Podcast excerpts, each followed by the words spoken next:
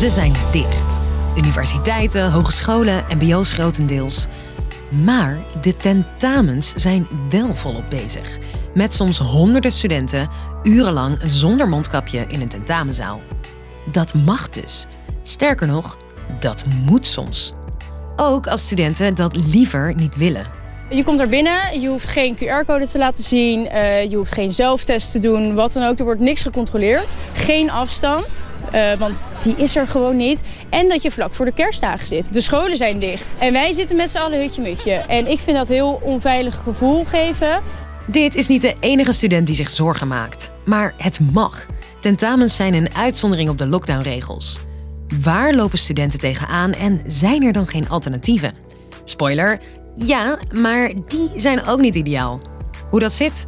Ik ben Sophie en ik leg het je uit. Lang verhaal kort. Een podcast van NOS op 3 en 3FM.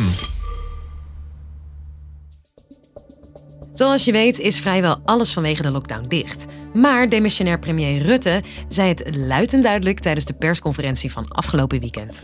En wat sowieso door kan gaan zijn het praktijkonderwijs, de lessen voor examenleerlingen en tentamens en examens. Met een achtneming van alle geldende veiligheidsregels natuurlijk. Fysieke tentamens zijn dus toegestaan. En veel onderwijsinstellingen geven daar de voorkeur aan, zoals deze.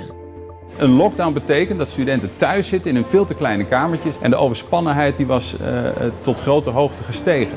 Dat willen we niet. Dus we willen niet naar online. Maar niet iedereen is blij met fysieke tentamens. Daar wordt gewoon geen afstand gehouden. In de zaden zelf wel, maar in de gangen er naartoe niet. In de trappen niet, bij de kluisjes niet. Deze student heeft dus besloten om niet naar haar tentamen te gaan met kans op studievertraging.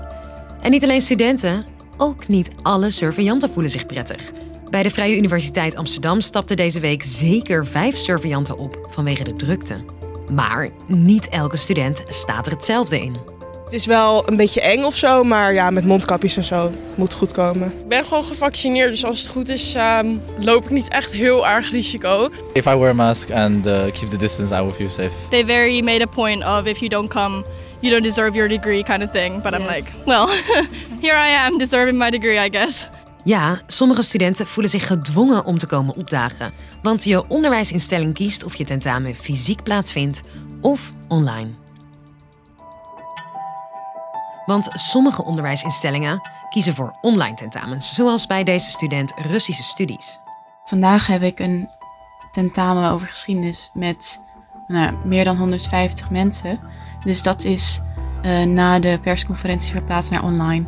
Dat gebeurde tijdens corona vaker, maar die situatie was voor veel mensen ook niet ideaal. Een belangrijke reden daarvoor was het surveillanceprogramma dat studenten moesten downloaden. Die via je microfoon en webcam checkt of je niet spiekt. En tijdens je tentamen moest je je scherm delen, zodat het programma of je docent precies kan zien wat je allemaal uitspookt.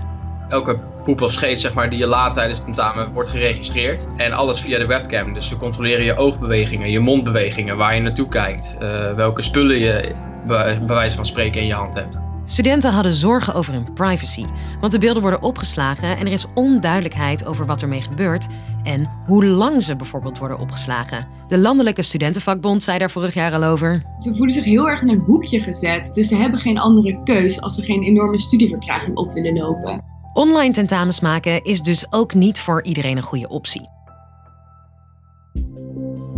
Ook een alternatief, je tentamen niet maken en hem herkansen. Maar dat is voor veel studenten geen optie. Zij voelen zoveel druk dat ze ook ziek komen opdraven, bang voor een studieachterstand. Eigenlijk iedereen die ik heb gesproken uh, heeft mij ook aangegeven dat, ook al hebben ze klachten of corona, ze gaan gewoon. Want het alternatief van de herkansingen is zodanig ongunstig, dan loop je studievertraging op. Want als je je tentamen herkanst, ja, dan moet je hem in één keer halen. Haal je een onvoldoende, dan moet je het vak volgend jaar overdoen. En dat kan niet elke student zich veroorloven. Eerder deze maand kwamen verhalen naar buiten over studenten die hun quarantaine breken om naar een tentamen te komen. Op het moment dat er een echt een harde aanwezigheidsplicht geldt, uh, dan begrijp ik dat het een hele lastige keuze is op het moment dat je verkouden bent of juist zelfs uh, een positieve test hebt gehad. Sommige universiteiten en hogescholen hebben aangegeven dat hoestende en besmette studenten die hun tentamen niet kunnen maken, een extra kans krijgen. Maar dat maatwerk hangt af van de onderwijsinstelling en de studie. Voor gezonde studenten die zich onprettig voelen bij een tentamen maken, zijn er weinig alternatieven. behalve herkansen. Dus, lang verhaal kort. Sommige tentamens vinden deze week fysiek plaats met veel studenten in één ruimte. Hoewel de regels zo goed mogelijk worden gewaarborgd, zien studenten dat dat niet altijd goed gaat. Maar alternatieven zoals een tentamen online maken of herkansen, ja, die zijn ook niet voor iedereen ideaal. Morgen zijn we er weer met een nieuwe lang verhaal kort. Dankjewel voor het luisteren en hey, luister via Spotify. Je kan tegenwoordig een rating geven. Dus hartstikke leuk als je dat doet van bijvoorbeeld, ja, ik noem maar wat, uh, vijf sterren bijvoorbeeld. Tot morgen!